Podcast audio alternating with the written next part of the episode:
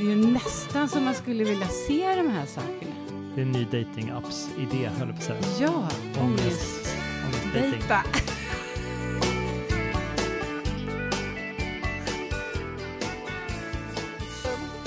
Hur känns det att barnen har kommit hem? De anlände igår. Mm. Två tonåringar. Gitarrer, högtalare, datorer. Hur många väskor som helst och en hund igår. En liten hund som visade sig vara jättestor. Lånehund. Jaha, jag tänkte så här, har ni skaffat hund utan att du har märkt någonting? En stor dalmatiner. Som jag bor ju pyttelitet så den Ja. tog ju upp halva. Var kom den ifrån? Den kom, med- det är min dotter, jag skulle vakta den. Okej. Ehm, så sen kastade sig in i, vad finns det för mat? Finns det ingen mat? Finns det inga mackor? Vi har ingen hundmat. Så vi, Oj. Halv elva däckade jag helt slut. Och min sista tanke när jag slocknade var, men det är ju superskönt att vara själv. Åh, jag vill vara... så var det. Gräset är alltid Ja, grönare. men det är ju så. Men det är Ja. skönt att de är tillbaka. Det, det är ju det här sammanhanget. Nu är jag en liten familj. Ja, just det. Inte den här sorgliga kattanten.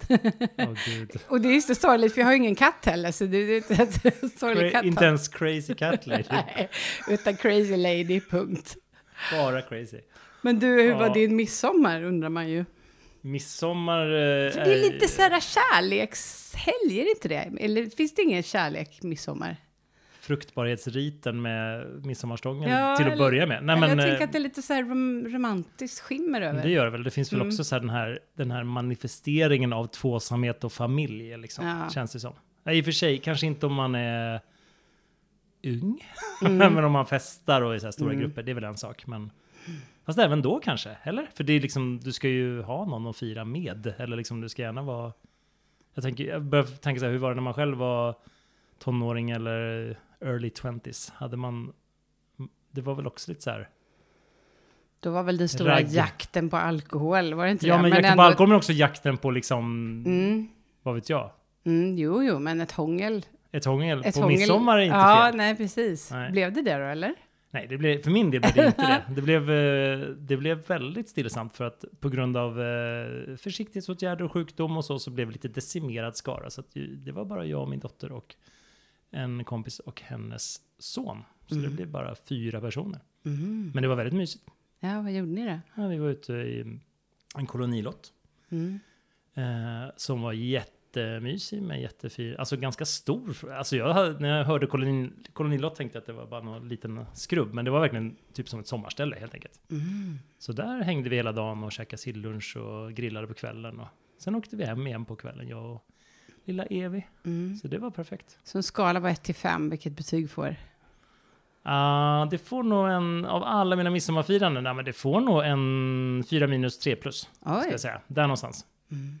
Men du har ju, du, det känns som att du har gjort motsatsen och liksom verkligen slagit på stort. Det blev så. Alltså jag har ju, eh, som så många andra då, en ganska rejäl ångest inför alla storhelger eller högtider och så. Mm. Vilket hänger ihop med att jag har haft ganska katastrofala eh, firanden i min uppväxt som har satt sig jättespår. I, med, med familjen eller med, på egen hand så att säga? Ja, jag kanske inte ska specificera det för att hänga ut någon. Nej. Ja, men i min uppväxt, om Ja, vi säger så ja. då, som har eh, varit otroligt traumatiska. Mm. Och även om jag nu är vuxen och bestämmer över mitt eget liv och sådär, så är det som det sitter kvar i kroppsminnet. Mm. Värst är julen. Mm. Då går jag alltid i terapi några gånger innan jul. Oj. Och liksom om jag inte är helt ensam och reser iväg någonstans eller så, vilket jag ofta gör. Varannan jul så firar jag inte jul. Då försvinner jag iväg. När bar, då är du inte med barnen? Då är jag inte med varannan? barnen. Ja, jo, då är ja. jag med barnen. Ja, precis. Ja, man kan ju åka iväg ändå och sig, försvinner iväg utan dem. För det är igen. För Ja. gammal ost. Nej. Ja, men, och då är det som det på något sätt eh, pytsar av sig på alla andra högtider. Mm. Så midsommar är egentligen inte en sån högtid som ska ge mig rejäl ångest. Men det gör det i alla fall. Och värst är det faktiskt när jag har barnen. Mm. För då känner jag att jag vill prestera och ge dem det här firandet som jag aldrig fick, kan man Mm. säga. Jag vill ge lugnt och fint och kärleksfullt och då, då låser det sig. För jag, kan, jag är så dålig på att laga, man lagar ju inte sill, men Nej, så det brukar vara annat. mycket mer ångest. Och I år så hade jag inte barnen. Eh, och jag har ju liksom ingen annan nu att ta liksom hänsyn till. För det är ju så, lever man i en relation så är det, ska vi dit, ska vi dit. Nej, jag gillar inte dem, jag är är inte dem. precis det bla. givna sällskapet också. Eller att man ska vara med sällskapet, eller någon sån här partjofräs, eller vad, Mm. vad det nu kan vara. Så i år var jag så himla fri, så jag och en tjejkompis hade tänkt bara att käka sill och dricka champagne. Mm. Jättedålig kombo hörde jag nu när jag sa det. Det lät Men inte på någon- jättegott, men ja, okej. På någon liten filt liksom. Ja. Men så onsdags hörde en bekant av sig. Han är festfixare och har en egen herrgård. Jag vet att vi pratade om det tidigare. Mm. Eh, I Värmland.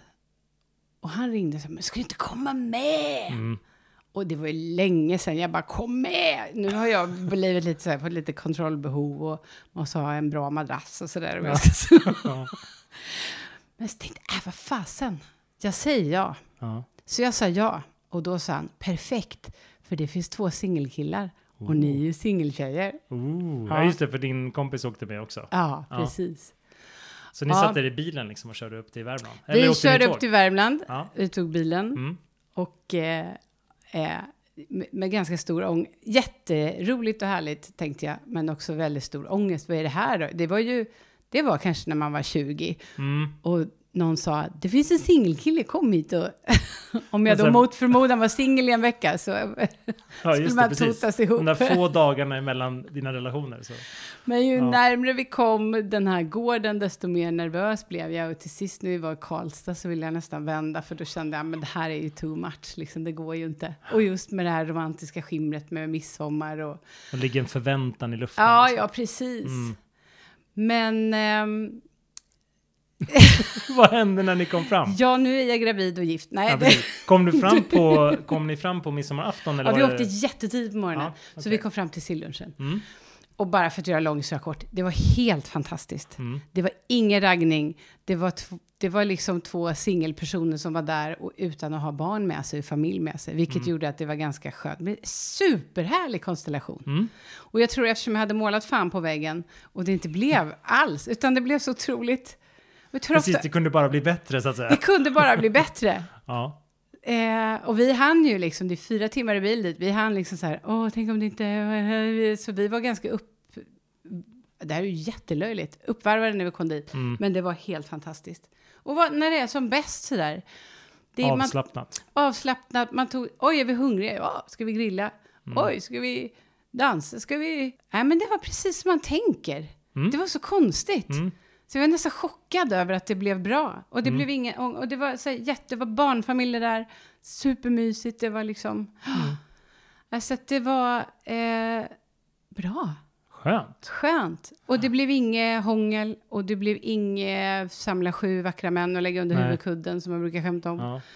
Nej, men för att jag, kom, jag tänkte också på det med högtider, att jag också inte är odelat positiv till dem Nej. generellt. För jag har också varit en sån som har valt att fira själv med en kompis på midsommar. Så här, Mm. Jag vet inte om jag har firat midsommar helt själv, men det har nästan varit på gång sådär. Inte blivit bjuden till tusen saker, apropå att vara singel och par också. Att man blir bjuden som par, och när Mm. man är ensam så passar man inte riktigt in. Och så här. Sen så blir det så här, det blir nästan som en sanning som folk gillar att upprepa också. Det här att så här, att så här, ah, det är ju ingen som bjuder in singlar så här. Det är ju inte riktigt så, men, men skillnaden är ju att det är ju hälften så många möjligheter eller inbjudningar som kan komma. Är man ett par, ja då har man ju dubbla bekantskapskretsar och då får man ju fler inbjudningar. Så det är nog mer den känslan av att man har fler möjligheter som par. Medan man själv är så här, nej det är ju inte någon som har hört av sig, jag får väl styra upp något själv. Eller, det har hänt jättemånga gånger att jag har firat med så här fem kompisar hemma själv, eller hemma i lägenheten liksom. För att ingen, jag har inte blivit bjuden så då har jag styrt upp det själv istället. Ja, men det låter ju fantastiskt. För jag har Ah. ju stått väldigt många midsommar och lagat mat in i det sista. Mm. Och fixat och grejat och blivit... Ja, men du vet, man handlar i sista, man ska Mm. försöka göra det jämställt då, så den man lever i en relation med gör lika mycket eller andra saker som motsvarar Mm. samma. Vilket aldrig blir och man står och hackar och grejer Ja. och fixar. Så till sist är man sur när gästerna kommer. Fast man inte har någon anledning. Ja, hej och välkommen då! Jag, kände, jag kände så här, jag fick en sån här förnimmelse, trots att vi, det var så otroligt avslappnat, det firande Mm. jag var på. Och liksom inga krav, verkligen så här, vi var ju jättefå personer, det var ju två vuxna och två barn liksom. Men ändå när vi stod där och skulle diska lite efter lunchen och jag inte riktigt... Ja, det fanns ju inte rinnande vatten utan man fick ju liksom improvisera lite med baljor och sånt där. Mm. Och så skulle jag diska och så kände, blev jag frustrerad över att jag liksom inte hittade något bra sätt att ställa upp liksom diskbaljan och disken och så här. Och, och jag märkte liksom på mig själv att så, det här är en orimlig irritation. Det, fin det finns inte någon irritation här egentligen. Alltså så här, men att, ja, du vet, lågt blodsocker eller någonting var det liksom. Och så kände jag bara så här, nästan som ett självhat i det. Att så här, att jag liksom blev påmind om så här, hur jag inte tycker om hur jag själv blir i sådana situationer. Och att i en parrelation så uppstår i sådana situationer hela tiden. Dagligen nästan. Det här liksom, ja men du vet, vardagslogistik. Den ska, jaha, vem ska handla, vem ska, du vet så här, ja nu ska det Mm. diskas efter maten. Alltså, det tas ju massa små mikrobeslut hela tiden. Eh, och det Men- liksom, ska Ja. hela tiden ha friktion mot en partner. Och jag, jag tänkte på det då, apropå vår podd också, så tänkte jag på så här, just det, det är sån här jag blir. Så kände jag. Men det, är ju jätte, ja, men det är ju jätteintressant för att en relation bygger på att man skaver. Man skaver mot... Ja. Jag känner Man är- tvärtom. Jo, men så här, Ja, man är gud. ganska kantig som människa och person. Mm. Och jag tror att man behöver bli lite rund om kanterna ibland. Därför att det är så vi blir människor. Ofta så blir vi ju till i relationen till andra, även om det inte är en kärleksrelation. Liksom. Man blir tydligare själv, man blir liksom, och det är väl det du upplever då, Mm. att du blir tydligare då. Men jag tänker det här skavet och den här irritationen är ju inget negativt egentligen. Det är Ja, en för mig är det supernegativt. Ja, alltså men det är det- någonting som jag... Det är därför jag liksom drar mig undan. Jag, drar, jag bara säger, nej men jag kan inte vara med folk. Men jag det är ju inget jag måste farligt bo i min irriterad. grotta, isolerad, för att jag klarar inte av det här med samspel med andra. Typ. Men då ger du ju upp för lätt. Ja, För gud man ska ja. ju fråga sig varför blir jag så irriterad över det här? Ja, men det kan jag ju fråga mig såklart. Ja, jag tänker jag träffar par ibland som säger vi har aldrig bråkat. Det är ja, det är himla bra. jättekonstigt tycker jag. Och Men, då tänker jag, det är, nej men precis, det Ja. är inte så himla bra. Du har en motorväg mellan känslan av när du blir irriterad eller gör något som du inte själv gillar med dig till självhat eller liksom, vad fan gör jag så? Mm. Och jag tror ju liksom att den här acceptansen av sig själv. Det här är ju, låter kanske flummigt. Jag pluggade ju lite alltså, till att bli terapeut Mm. i höstas. Inte ren terapeut, utan jag höll på med dansterapi då. Och då läste vi någonting som heter så här compassion. ehm, med... eh, Känsla. Medkänsla. Medkänsla med Mm. sig själv. Därför självhat har ju varit en av mina största, Mm. bästa Det driver ju... förmågor. det driver hela kultursektorn, eller vad säger Nej, men... eh, Ja, det är så synd. ja. För att istället för, och jag, det jobbar jag jättemycket med, jag tror det är nyckeln till allt. Mm. Att se sig själv för vad man är, acceptera det. Mm. Göra någonting åt det man kan, och det man inte kan, bara så här, fine, så är jag. Acceptans. Det är ju... Det är ju också... Ja, det hänger ju ihop såklart. Men när du mår som du gör nu, så är det bra att dejta då? Nu låter jag som min psykolog Nej, det är här. det ju inte. Nej. Det är ju det, det är också det lite som var känslan när vi startade den här podden, att apropå datinghaveri, att jag kände ju ungefär så att så här, nej, men det här... Jag blev ju blockad på Tinder och då kände jag bara så här, nej men det här var ett tecken Mm. av många skäl, eller ett av många tecken, så ska jag säga.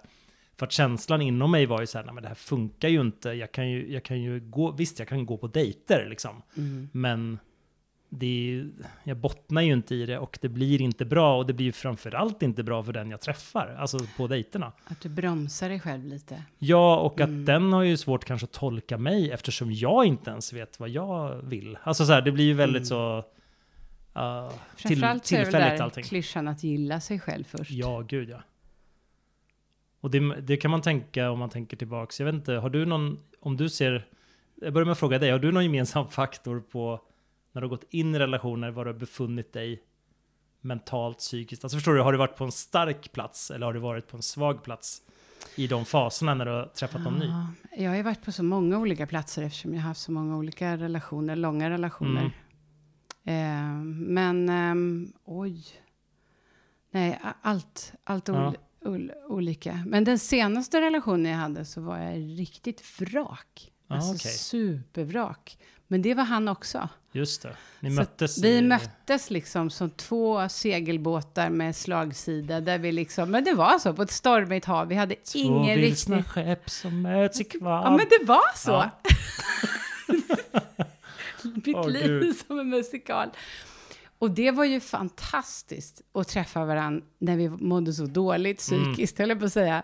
Därför vi kunde stötta varandra, men vi hade heller inte så här, åh, någon millimeter. Vi var lite... Men ni hade liksom inga illusioner? Nej, vi var Nej. lika trötta och lika ledsna. Mm.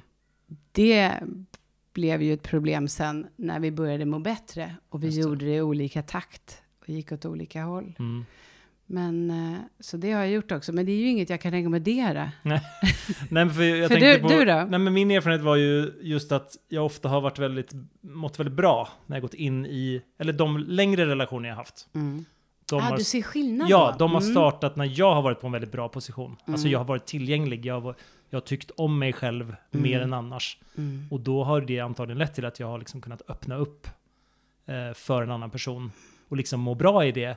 Medan, vad ska man säga, sporadiskt dejtande har pågått men kanske inte riktigt så bitit sig fast eller det har liksom inte blivit någonting i de mörkare perioderna eller de perioderna man inte har mått så bra. Men kan du dejta när du mår dåligt för att må bättre? Alltså kan det vara en grej sådär? Mm. Ja, jag vet inte. Nah, det, är kan inte vara att man tar bo- till dating. Ja, nej, nej, jag ser inte riktigt någon koppling där att liksom Mm. det blir som en lyckorus av att Nej. någon. Nej, utan snarare någon slags självskadebeteende i så fall. Alltså så att det blir inte bättre. Det blir Sa snarare, du och skrattade. ja, men det blir snarare värre, men man får ju, Mm. det är lite som så här, jag menar att det blir en tillfällig kick av att träffa en ny människa, för det tycker jag alltid är intressant oavsett om det är vänskap eller Mm. så det är ju alltid roligt tycker jag, så det ger ju någon slags energi så. Men sen baksmällan av det är ju liksom en eventuell komplex situation där man ska så här, jaha, vad blir det här, vart tar det här vägen någonstans? Och, ja, du vet sådär. Men Mm. ja, Men intressant då, då är vi ju olika där igen. För du, mm, jag kan ju då sakna nu att jag inte har någon att spegla mig mot eller stöta mina kanter emot liksom. ja jag, vill, jag vill liksom krypa undan i mitt gömställe och där ingen ser mina brister och eh, ruva liksom. Mm. Någon, något mellanting hade ju varit väldigt härligt här, för jag vill Mm. ju också in då med alla mina brister och så berätta, se dem, jag, alltså, vilket gör att det liksom, jag blir så, jag har ju inga kanter kvar alls, liksom. jag har ju knappt något, Alltså att du Jag- vill visa upp bristerna, eller vad sa du? Att du nej att jag vill in och nöta av med mina Ja, kanter det. så mycket att jag blir strömlinjeformad. Och Mm. sen så tittar jag på mig själv och säger, va? Är jag så här? Mm. Det Ja, men det här med som du har pratat om att vilja, ja men på ett sätt behaga, att Mm. vara, men också vara, ha konflikter och bråka. Alltså det finns ju en, man skulle kunna tänka, när någon säger så här, "Ja, men jag vill behaga, då skulle man kunna tänka att någon blir väldigt passiv och lugn och tyst och timid så. Men det är ju inte, det har ju inte varit du, tänker jag. Jag bråkar väldigt mycket i mina relationer. Ja. Och varför gör jag det? Ja, men jag har nog med mig de här äh, just eh, massa skit i bagaget. Mm. Massa trauman som dyker upp och de dyker alltid upp i nära relationer och de dyker ofta upp i nära relationer när relationen är bra. Jag slappnar av och blir trygg. Då vågar odjuren liksom i huvudet titta fram. Mm. Mm. Och det är det jag jobbar med just nu. Hur ska jag kommunicera det här? Och om jag nu träffar någon ny. Nu har jag varit singel ett halvår liksom. Mm. Så, och tanken är väl egentligen att jag ska då fortsätta vara det ett tag till. Men nu när jag börjar ha så himla bra koll på demonerna. Är det nå- presenterar man dem också vid dejten? ja, precis. Det här är jag, det här är min ångest. Det här, är Ja. här sitter vi ett helt litet gäng och äter middag med dig. Alla kommer med ett bagage, så är det ju. Liksom. Jo, I, det. framförallt liksom, om man, är- när man, ju äldre man blir på något sätt så har man ju Mm. mer. Men ja, Men hur mår du nu egentligen? Nej men nu mår jag inte speciellt bra. Nej, Det känner jag. nej. Men jag mår ju bättre, på ett sätt mår jag bättre än vad jag gjorde kanske tidigare i vår, Mm. vintras där, mars-april när coronakrisen kom. Men eh, ja, det är ju liksom, det är vad det är. Vad gör du då? då? Då eh, kommer min eh, ätstörning igång, Aha. som jag alltid använder. Eller kommer ut? igång, den finns ju där hela tiden. Det är lite som att vara, vad säger man, nykter alkoholist. Eller du vet så här, Ja.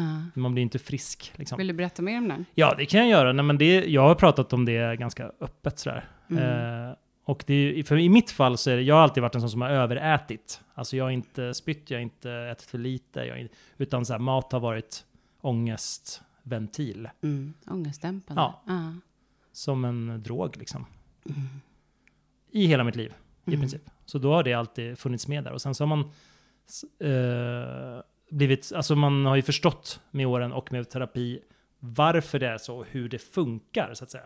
Hur är det då? Hur funkar Nej men det, det? jag menar, så här, det har inte alltid gett någon lösning att man vet Nej, hur det fungerar, det. utan man vet bara så här. Nej men att det är liksom, ja, exakt hur det funkar. Det är väl lite mer som så här, oral stimulans. Nej men alltså det Mm. finns ju någon grej i det och så Kickar va? kickar, ja, Mm. med massa liksom eh, njutning, de bitarna. Och det är ju problemet med just, eller problemet, men på ett sätt, jag föredrar nog den här störningen framför att vara liksom narkotikamissbrukare, om man säger så. Mm. Men eh, nackdelen är ju liksom att alla måste ju äta mat. Man kan inte Ja, det sluta finns äta. ju överallt hela Ja. tiden. Och alla pratar ju om att unna sig, eller att Mm. liksom belöna sig med mat. Även om man inte har en jätteaktiv ätstörning så finns ju ändå de här begreppen och förhållningssättet till mat Mm. med i bilden. Det tycker jag man märker hos många att så här, det är ju liksom en, en, ett ätstört samhälle. Liksom. Ja. Så det, det har ju gjort det kanske svårare att liksom helt frikoppla sig från det, eller att vara så här, släppa taget om det. I dina relationer då? Berättar du det här liksom tidigt? Ja, det kan jag nog göra. Mm. Det är lite vilken sorts relation man har, men alltså om, om det kommer upp som en diskussion så kan det komma ganska tidigt. Eller liksom, Mm. Och det Hur blir det- som, ja, men med- som med alla typer av så här samtal. Om, om du bjuder på någonting om dig så bjuder jag tillbaks. Det vill säga Mm. att hamnar man i ett sånt förtroligt samtal, då kan jag ju prata om det här med någon som jag träffar första gången. På en Mm. fest, liksom, med vem som helst. Mm. Så det är ju mer det där att du måste känna av om personen känns mottaglig för den sortens diskussion. Liksom. Men säg att det är en dejtingsituation och ni har Ja. pratat liksom öppet och du säger det här. Hur tar en tjej emot det? Jag, jag vet inte, jag tror, de, jag tror de, de flesta ser väl det som något positivt att man vågar berätta om det. Jag tänker och det är liksom- ovanligt att man hör män prata om det också. Ja, men det är ju, jo precis, men det är ju inte ovanligt att tjejer har erfarenhet av ätstörningar, så att Nej, den det. kopplingen är ju väldigt så här vanlig, tänker jag, att man liksom man, ofta kan man ha något gemensamt i det nästan. Ja, att så här, man, ja, man båda kan ha ett komplicerat förhållande till mat. Liksom. Mm. Och då är det nästan som att det tar nästan ut ämnet i sig, för att det blir som att säga, ja, ja, men det här problemet har ju många, så att det blir Mm. liksom ingen laddning i att prata om det. Det blir Nej. inte där, utan laddningen blir ju i att så här, men hur fu- funkar det, funkar det inte, hur mår man, alltså sådär Mm. liksom. Men att teoretiskt prata om det är inte så konstigt. Men det är där man möts liksom. Mm. Det är det som är så konstigt. Kärleken möts ju i de här vrårna någonstans. Jag brukar vara jätteöppen med min... Eller jag tänker att det är inte alltid det gör det, men att Nej. det är stor potential att göra det. Jag är alltid jätteöppen med att jag har mycket ångest. Jag, Mm. har en, jag vet inte om jag har någon diagnos med generella ångestsyndrom, men jag har väldigt mycket ångest. Mm. Och ångest är också något sånt som många kan relatera till. Jag menar, olika former av missbruk handlar ju också om ångest Mm. egentligen. Eh, Men vad är dina ventiler då, för att hantera ångest? Oj. Nej, men jag får väldigt, väldigt mörka tankar. Mm. Oerhört mörka tankar. Så att jag blir nästan apatisk.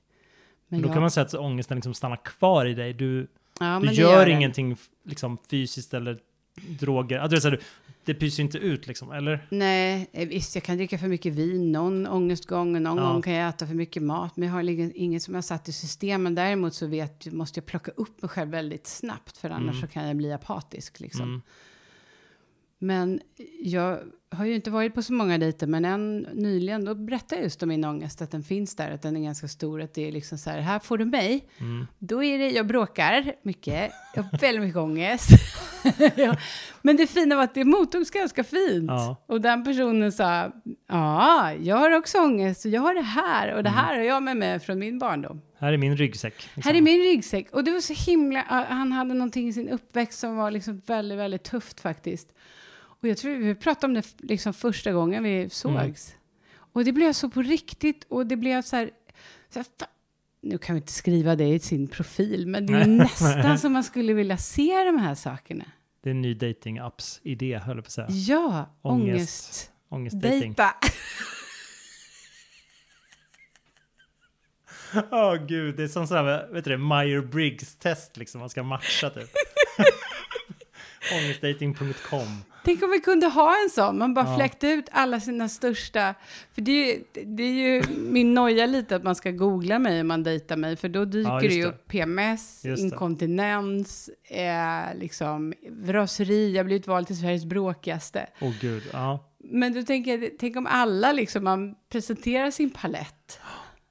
Men jag tänker så här att det är liksom... Nej men det, det kan nästan vara lite charmigt att prata om sånt med någon, tycker jag. Mm. Eller nästan så här, det gör en sårbar, det gör en öppen, man, personen framstår som liksom sympatisk, att den vågar dela med sig. Och det, men det liksom, men det tycker, så känner man ju ofta i den här liksom härliga dejtsituationen, eller i ett härligt samtal med någon. Men det liksom, men vad ska man säga, verkligheten bakom det man säger i vardagen är ju inte alls så härlig. Liksom. Och det där kan jag känna att det finns nästan en, ja men vad ska vi prata, jag vill inte använda ordet känsloporr, men jag gör det ändå. Alltså det här liksom att man grottar, man, man liksom vältrar sig nästan i sina egna brister för att på något sätt jag tycker man ser det här i sociala medier väldigt mycket. Folk som liksom skriver om, som häver ur sig, inklusive undertecknad ibland. Men just för att så här, ja men då får man liksom likes. Man får eh, ryggdunk, man får folk som bara åh gud vad stark du är som berättar det här, det är så himla stark. Sen, och sen så vet man ju så här, ja fast den här personen är ju ett as att leva med. Som säger, du vet så här att man känner så här, ja, men bakom det den här personen beskriver nu så finns det ju såklart en jättejobbig vardag, en jättejobbig situation, eller situationer. Eh, där man då ska hantera de här sakerna. Och så känner jag, det är därför jag, så, så känner jag ju med mig själv också. Att så här, Jag kan vara lugn och sansad och balanserad. Vi kan sitta här och prata om våra ångestar, höll jag på att säga. Men sen är det ju liksom, okej, Nej, men, det krävs en modig sen? människa att gå in i det här. Men i mina relationer har jag jobbat med de här sakerna. Mm, Parallellt liksom. mm, Många relationerna. Det är inte alla, ska jag absolut inte säga. Ehm, men ehm, min senaste så jobbar vi ju jättemycket med personlig utveckling sida vid sida liksom. Och stöttade varandra så mycket det bara gick i det här. Och det betyder inte att det är härligt roligt. Alltså att leva med en person som är djupt deprimerad. Det kräver ju supermycket. mm, Som i mitt fall så fick jag leva med en som var superdeprimerad. Och det var ju väldigt, väldigt tufft. Otroligt lärorikt. mm. Men jätte, jättetufft. Så vardagen så står man ju inte bara tjohej, vi har lika mycket ångest, fast olika. Hurra! Hurra! Nu men men vi hur se- sätter du, hur bestämmer du liksom gränsen för när det här är det här liksom funkar inte eller vi kan inte överleva det här eller vi kan inte mäkta med det här eller hur, vad, hur tänker man ens så när man är i det då? Eller? Ja, men jag är, vill ju väldigt gärna vara med så mycket jag kan. Liksom. Mm, i, senast nu, så, och jag kan prata om det här för att han har själv varit väldigt öppen om det, Mm, så gick det till en gräns där jag kände att han växte inte med mig vid sin sida, utan han, han, blev sämre ihop med mig. mm, Därför att jag for iväg på en annan plats, liksom mentalt och så. Jag har ju en, en utmattning i bakgrunden, men har blivit otroligt pigg och frisk nu senaste året. Och till sist så blev jag liksom, jag kunde inte stötta, för jag mådde för bra. Liksom. Vi kunde inte mötas i det här mörka, och jag kände till sist att nu stoppar jag hans resa. Ja, för jag- ni, för ni hade ju varit fart. i det mörka tillsammans och liksom Absolut. båda kommit Ja. en bit, alltså jämsides då upp ur Mm. det värsta. Och du, men det, sen drog du iväg Sen drog jag fortare iväg, så att säga. ja, liksom. och han gick mer neråt igen. ja. Och då är frågan också så där, och det jag frågade mig själv länge var, hur, hur länge ska man må dåligt för att någon annan gör det? Mm. Alltså var, hur länge, för en, en viss del gör man lämnar ju inte någon som mår dåligt. Nej.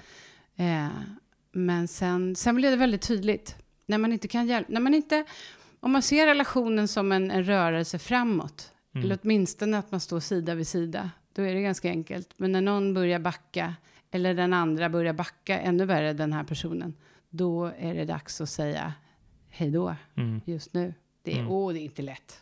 Nej, det är Det är klart. inte lätt. Men där är jag, Där är du duktig. nej, nej, men det, det är det jag tänker mig i framtiden. Jag tänker att jag skulle vilja leva med någon, kanske inte hela livet, men något år eller fem eller En man för varje fas i livet, eller hur var det nu? var Ja. tid har sin Ja, karl. så var det. Och Mm. den tiden jag är inne i nu, det är så här, nu vill jag verkligen, precis som alla andra kvinnor verkar som, runt 50, fokusera lite på min egen personliga utveckling. Och det skulle vara jättespännande att göra det ihop med någon. Mm. Gratis terapi. Precis. Nej inte alls så. Så här, utveckla sig själv med Karin. Ja. Jag chattade Ja, det- med någon psykolog på Tinder och då tänkte jag just så här, hmm, här Just det. Här kan man få gratis hjälp. Bra. Ja, nej men... Eh, apropå det, alltså jag känner att jag har många tidigare ex att tacka för Ja, många insikter om mig själv och stöd och hjälp. Så men- är det ju verkligen. Alltså från, ja, från min första relation när jag var 18-19, alltså första Mm. seriösa, så här, hela vägen. Att så här, som du var inne på, man lär sig ju alltid saker av de man är tillsammans med och liksom är med. mm. Det är de här kanterna igen. Mm, Och som jag också kan säga, de kan ju nötas av, av barn, och vänner och liksom alla möjliga. Mm. Behöver ju inte vara en partner, men det finns något speciellt där med någon som man lever med nära, nära under längre tid. mm. Men det känns ändå så här, ja, det är, känns ju vanskligt att gå in i någonting och sen jag blir ju mer så här, jag ska fixa mig själv först. Mm. med en, i, typ gå i terapi, fixa mig själv, sen är jag redo. Typ sådär att det liksom är, jag vill inte så här eh, exponera de där bristerna då för den jag ska vara med, utan då kan jag bara, Och Eh, jag ta tänker, hand om det åh vad sidan av." härligt, jag kan gå hand i hand med någon som också har ångest. ja gud. Ja i och för sig, men å andra sidan skulle jag träffa någon som är så här, nej jag tror aldrig jag haft ångest. Alltså då skulle Ja. inte det funka heller. Alltså Nej. det är klart att man måste kunna mötas i någon form av så här att man kan förstå att man kan må dåligt och allt det där liksom. Det blir ju jättekonstigt annars. Men apropå det, Mm. har du varit på dejt? Nej, jag har inte varit på någon dejt. Sen sist. För du blev blockad på Tinder. Du fick höra att det var en annan tjej som var blockad på Tinder. Ni blev ihoptossade via en gemensam bekant. och, eh, Hon visade sig bo på samma gata som jag. och det låg i luften. Det låg i, ja, det låg i luften att vi skulle ses åtminstone. Mm. Eh, och jag eh, initierade faktiskt, en, eller jag gav ett förslag helt enkelt om Mm. att ses. En tid och en plats. Mm. Eh, men fick inget svar. Förlåt, Men eller, jo, till saken är, eller det gick, ja det var innan midsommar Ja, var det nog. det. Så hela midsommarhelgen har gått. Och sen bara för några minuter sedan, innan du kom Mm. hit och vi skulle spela in, så fick jag ett svar. Mm. Men det var vare sig bu eller bä. Det var liksom mer en så här återkoppling. Typ att så här, sorry det har varit mycket, jag hann inte svara. Och, och, Ah. eh, Hur kommer du göra med det då? nej men jag har svarat och sagt Ja. bara något kort sådär. Mm. Det här var ju verkligen också bara en, en ganska, ett ganska roligt så här, ihopmatchande på något sätt. Jag har inte lagt upp mig på Blocket. Du har inte, du har inte gjort din läxa? Nej. Blocket nej. Jag har inte lagt upp mig på de där Tinder, eh, nej, de här uh, datingapparna som du rekommenderade. Nej. Jag började liksom svara på de här miljoner frågor på den här uh, Hinge. Just det.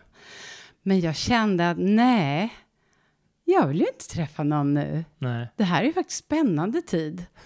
Att Ja. vara singel, att lära mig det, att vända och vrida Mm. på vem är jag när jag inte är i en relation. Mm. Och så, eh, ja, så att jag väntar lite. Summer of ångest dating.